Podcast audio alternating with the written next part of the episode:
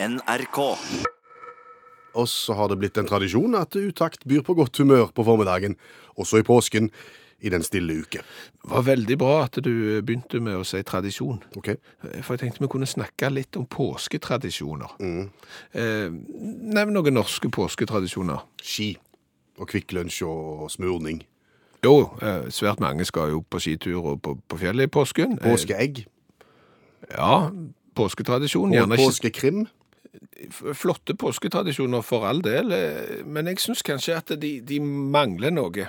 Det er litt lite fres, det er litt lite smell i de, for å si det sånn, de påsketradisjonene som du har ramst opp her. Så derfor så bør vi se til Eh, Vi bør se til Hellas, til øya Kios. Der er det en by som heter Vrontados, og der har de en tradisjon som kalles for Roketepolemos. Ok, mer smell i det.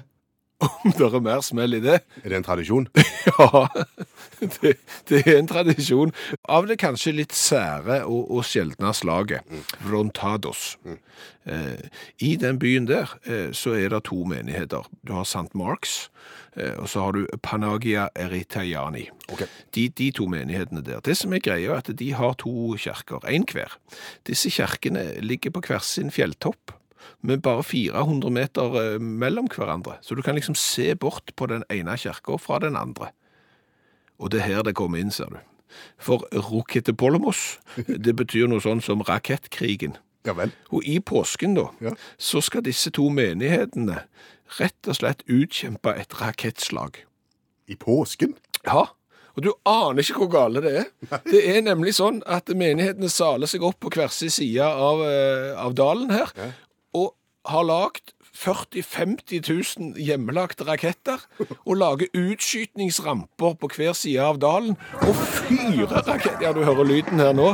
Jeg har funnet lyd på internett. Fyrer raketter av gårde over dalen mot den andre sida. Livsfarlig.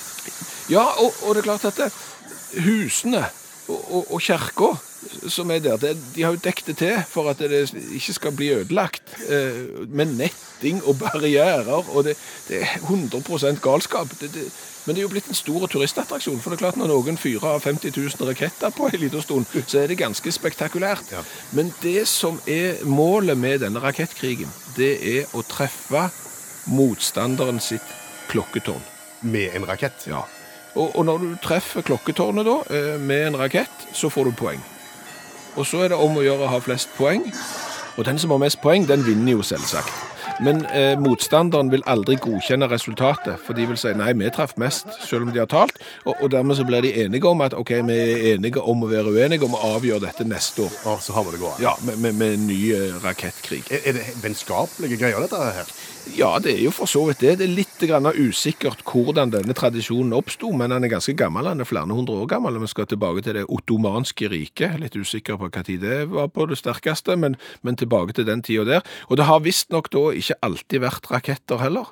Eh, På et tidspunkt skal det ha vært kanon og kanonkuler, eh, men det fant de ut at det, det, det må vi slutte med. Det er ikke så, så bra. Du kalte det for Roketopolemos, Ja. eh, sånn cirka. Det blir stusslig med, med Kvikk Lunsj og, og påskeharene til dette. Hvis du kombinerte eksempel eh, Kvikk Lunsj, skitur og 50 000 raketter, så tror jeg du har en påsketradisjon som vil noe. Da har du en stille uke av en annen verden. Og du hører Utakt i NRK P1, som har fått en e-post fra Lillian, som er bussjåfør. Lillian skriver at hun har gått i eh, burgerbildefella. Og vi var jo ikke klar over at Lillian skulle ut og kjøpe burger i det hele tatt. Hadde vi visst det, så kunne vi jo advart eh, på forhånd, fordi at eh, burgerbildefella er fort gjort å gå i. Yes. Kort oppsummert, burgerbildefella går du i dersom du ser bildet av burgeren oppe på bestillingsveggen, der han henger i all sin prakt, og du ser at den har jeg lyst på, for den inneholder alt som er godt. Så kjøper du burgeren, og så viser det seg at han er mye mindre enn han var på plakaten, og han har ikke på det som var på plakaten. Den er rett og slett veldig skuffende. Du har gått i burgerbildefella. Ja, og, og disse bildene som jo henger der og reklamerer for disse produktene, det er jo ofte bilder tatt av de som selger produktene, grossisten sjøl. Og de har jo alle muligheter til virkelig å, å smøre på. Eh, Det blir jo, eh, kan du si, en billedlig språkvask. Eh, De gjør burgeren større, finere og bedre enn den faktisk er. Når du får den, så, er den knøttliten, og den, du, det du trodde var tomat, er blitt til sylteagurk, og, og du blir skuffa. Hvordan kan du gardere deg mot dette, da? Hvordan du kan gardere deg mot dette, det, her må det en holdningskampanje til. Okay. Ja, eh, her må jo de som selger burger ha såpass eh, mye selvrespekt at de faktisk har lyst til å levere det produktet som de viser fram. For dette er jo ikke enestående. Nei, nei. Nei, nei. Altså, du kan si du har burgerbildefeller, ja. Det, det finnes andre tilsvarende feller du kan gå i òg, som, som jeg har gått i sjøl mange ganger. For eksempel For eksempel størrelsesbildefeller. Ja vel. Jeg har kjøpt produkt, eh, gjerne eksempel på internett. Eh, Sitter på produktet, det ser kjempeflott ut, eh, feiende fint og bra farger og alt i sammen. Når jeg da får det, så ser jeg jo det at det er langt mindre enn jeg trodde det var. Fordi at bildet har jo ingen sammenligningsting, sant? Hvis jeg skal vise at noe er veldig lite, så kan jeg jo gjerne ta et bilde av dette produktet sammen med en fyrstikkeske. Ja. Da har jeg jo noe som indikerer hvor stort det er dette. Og motsatt, skal jeg vise at noe er kjempestort, så må jeg jo ta bilde av det med noe annet som setter det i perspektiv. Når det er helt uten perspektiv, så kjøper jeg det, og så framstår det som knøttlite, eksempel. Der har du en annen bildefelle du kan gå i. Arkitektbildefeller. Ja, Der har du også noe. ja. Du har det. Eh, Hvis en arkitekt lager en skisse om hvordan noen ting skal se ut, mm. så ser det aldri sånn ut når det er ferdig bygd. Nei, nei, nei. Og særlig ikke dersom bygget er litt kontroversielt, at det ryker litt utsikt, f.eks., eksempel, og, og, og, og går litt tursti. Ja, Da ser det veldig, veldig mye bedre ut på tegningen enn det blir. Veldig. Det er alltid mye glassfasader Ja. eh, som aldri blir seende sånn ut når produktet og bygget endelig står eh, ferdig. Det er noen flotte trær og, sånn. Der er folk som sitter ut forbi og koser seg med kaffe latte og sånn. Ja. Og når bygget endelig står ferdig, så er det verken kaffe latte-folk eller trær. Det er bare stusslig alt i sammen. Og så var det ikke gjennomsiktig av glasshuset. Nei, nei, nei. Å nei. Oh, nei. Det var bare ei skisse. Ja. Så de, de får det til. Så der har du den òg. OK, Lillian og alle andre. Burgerbildefeller, arkitektbildefeller, arkitektbildefella, små og store ting-bildefella. Vær obs. Ja. En ting du kan gjøre hvis du tør, men du må være litt modig. Det er du spør de som selger burgeren før du bestiller den, om den burgeren du skal lage til meg nå, om den er identisk med den på bildet, og da mener jeg i størrelse, innhold og mengde pommes frites og all slags. Hvis de svarer ja til det, så kan du ta dem på det etterpå. Så det må du eventuelt gjøre. Bon appétit. Og jeg tenker at påsken er jo lesetid. Du finner gjerne fram en krim. Ja, det blir fort eh, krim i påsken kanskje. Men ikke se vekk ifra at du burde utfordre deg sjøl og funnet fram en klassiker, eh, en bok der det ikke er noen som blir drept. Kanskje du skulle gjort det denne påsken her.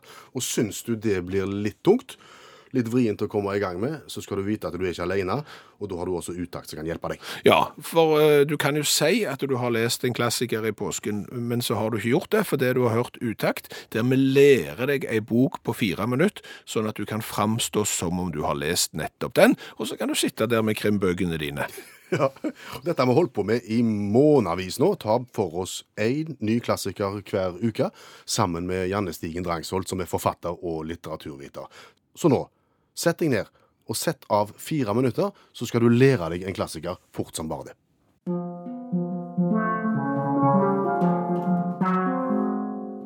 Epp av Aksel Jensen fra 1965. Pensjonisten Epp bor i blokk 982 i byen Oblidor i landet Gambolia. Han er opptatt av tapetmønstre og navnet sitt. Eh, hvis han hadde vært eh, høyere på den sosiale rangstigen, kunne han nemlig ha hett Eppe, eller til og med Eppenepp-app. Han har òg en kjøttetende plante som heter Ili. Og så handler han fortrinnsvis i AppStore.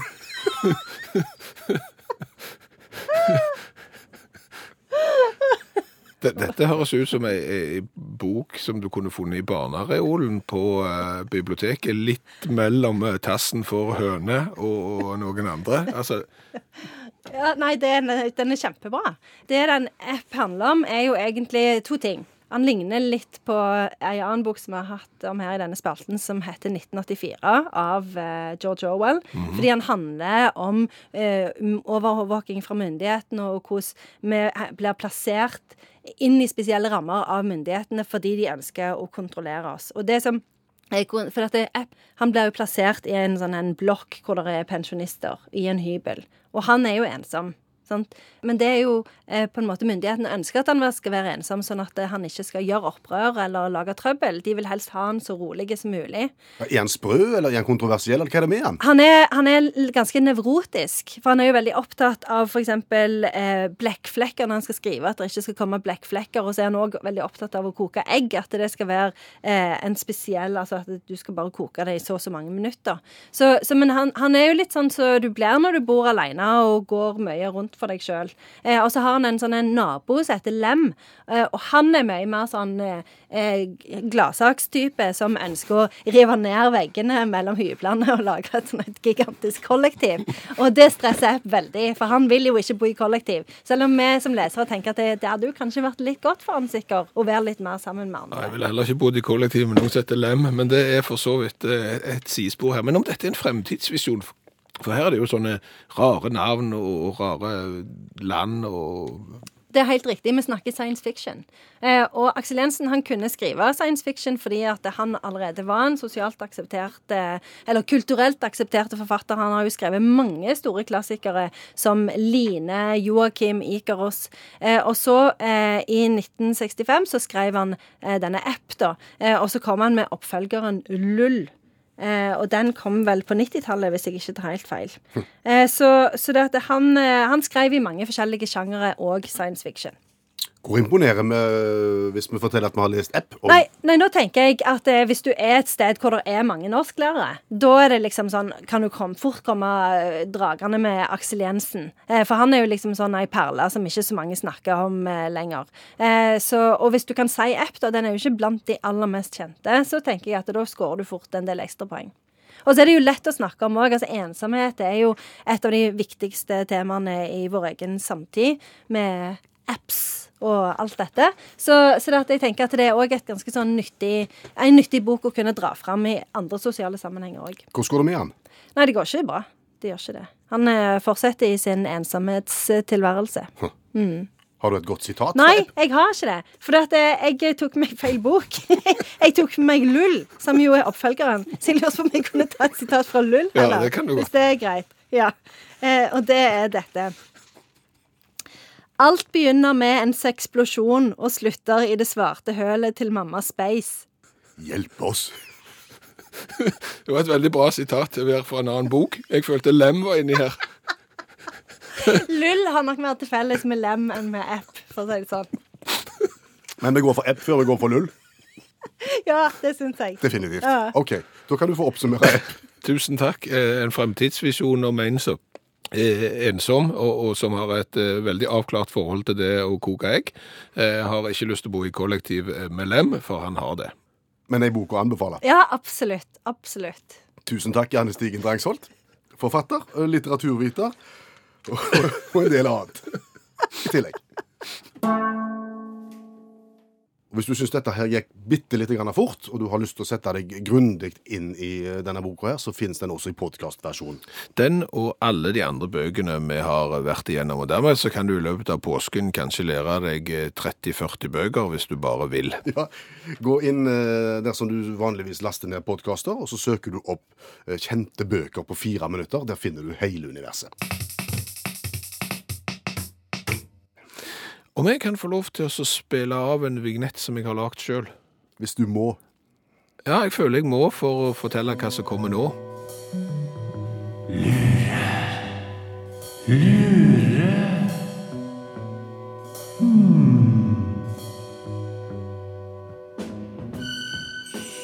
Ting du lurte på, men ikke visste du lurte på. Lure. Påskespesial. Var ikke det nøyaktig den samme vignetten som du spilte av i går, foran nøyaktig samme spalte? Som du fikk kritikk for? Jo, eh, for så vidt, men, men det har vært såpass travelt at jeg har ikke fått tid til å gjøre noe med, med vignetten. Men, men den er såpass viktig, syns jeg, eh, å ha for å fortelle hvilken programpost som kommer. At Det er fortsatt spalten eh, ting du lurte på, men som du ikke visste at du lurte på påskespesial. ja, det er det. Ja. Ja, stemmer Det stemmer er det det. som blir sagt i vignetten. Ja, det er jo det, og nå har jo du på en måte tatt poenget, så snart så var det jo ikke vits i at vi spilte vignetten, for du har jo gjentatt hele poenget med vignetten om at det nå kommer ting du lurte på som du kanskje ikke visste at du lurte på påskespesial. Ja. Så Men hva, eh, altså i spalten ting du lurte på, men som du ikke visste at du lurte på, påskespesial. jeg, jeg tror folk har tatt det nå. ja, som har sin egen vignett, egentlig. Hva skal vi ta for oss i dag? Jeg lurte litt på eh, om, om du lurte på hvor stort verdens største sjokoladepåskeegg er. Eh, nei, i utgangspunktet ikke, men, men siden du spør det på denne måten, og i og med at vi har snakket såpass mye om vignetten, Ja. så kjenner jeg at jeg fikk litt lyst allikevel. Du fikk litt lyst til å, å vite om det, for det du, nå, nå lurer du litt på det allikevel. Ja, ja. ja. Der ser du. Ja, for dette her er egentlig en ganske interessant historie, og for meg òg et litt sånn trist eksempel på at folk ikke gjør research. Eh, og hvorfor gjør ikke folk det? Men det, det er greit. men, men, men greia er den at i 2015 eh, så hadde de en eh, sjokoladefestival, og den har de for så vidt hvert år, i Bariloche, og da er du i Argentina. De fant jo ut det at la oss nå lage verdens største sjokoladepåskeegg. Og, og, og de fikk jo med seg en hel gjeng av folk. 27 bakeri eh, fikk de med seg til å lage nok sjokolade for å lage dette gigantegget. Og når egget endelig var ferdig, så var det 8,5 meter høyt, 5 meter rundt midjen, og, og veide noe sånn som 4000 kilo. Altså 4 tonn med, med sjokolade. Fire tonn? Ja. Er det massivt, eller er det hult? Det, det, det er hult, det er bygd rundt et eh, treskall, kan du si. Et lite sånn trestillas. Ja. Eh, Men fire tonn med sjokolade er jo ganske mye lell. Men så tilbake til forberedelsene. For det er klart at de fikk jo mye oppmerksomhet. Det var tusenvis av tilskuere. De har fått medieoppslag over hele verden. Jeg har sjekket dette her. Og så tenkte jeg, kan det stemme? Er dette verdens største sjokoladeegg egentlig? Og svaret er jo nei. Det er noen som har bygd større. Ja, og, og, og, de gjorde det jo før. Det er jo ikke sånn at først bygde disse argentinerne dette i 2015, og så i 2016 så var det en eller annen sveitser eller en svenske eller en nordmann som fant ut at vi skulle bygge et større. Nei, det er et et større sjokoladeegg, og det ble jo bygd så tidlig som i 2011. Så kan du tenke deg at du skal lage verdens største sjokoladeegg. Du lager en mal, du inviterer 27 bakerier for, for å være med, og så har du ikke sjekket engang om det finnes noen som er større. Og, og det som er større, det er jo betydelig større. Og fortell, hvor er det, hvor er det bygd? Italia. Ja vel. I 2011, 16. april, eh, på et shoppingsenter i Cortnova, ble det bygd et sjokoladeegg som var 19,6 meter rundt midjen, eh, mens egget i eh, Argentina kun var 5 meter rundt midjen. Så du ser det er jo gigantisk mye større. Og hvor mye veide egg i Argentina? Fire tonn. Ja, det er jo ingenting. Italienerne sitt veide 7200 kilo. Nesten dobbelt så tungt. Ja, og dette tok det meg 30 sekunder å finne ut av. Og det er klart, det var internett i 2015 òg, så all mulig kritikk til alle de som lagde sjokoladepåskeegg i Argentina i 2015. Nå begynte dette her med vignetten for spalten ting du lurte på, men som du ikke visste at du lurte på påskespesial. Ja. Eh, er det mediekritikken vi lurer på her, eller er det det fenomenet om at verdens påske, største påskeegg finnes i Italia? Jeg tror det er begge deler. Eh, Du lurte nok på hvor verdens største sjokoladepåskeegg fantes, og du lurte nok sikkert på, på hvorfor det var blitt sånn som det var blitt. Kanskje ikke. Eh, Var det flere spør spørsmål da? Jeg tror vi har det.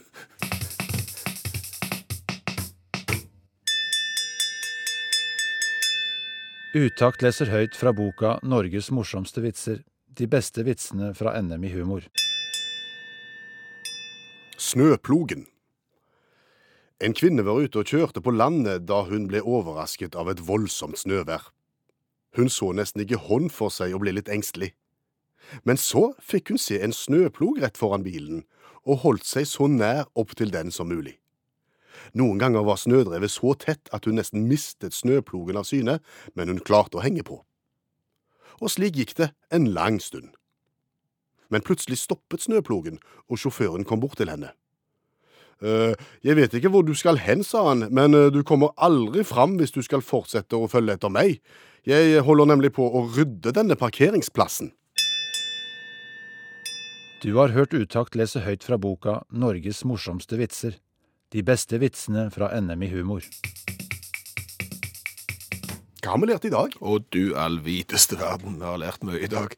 Vi har jo blant annet lært det at i Hellas så har de eh, kanskje påsketradisjoner så det er litt mer smell i eh, enn det vi har her hjemme på berget. Eh, Rokette på topp. Rokette til Rakett.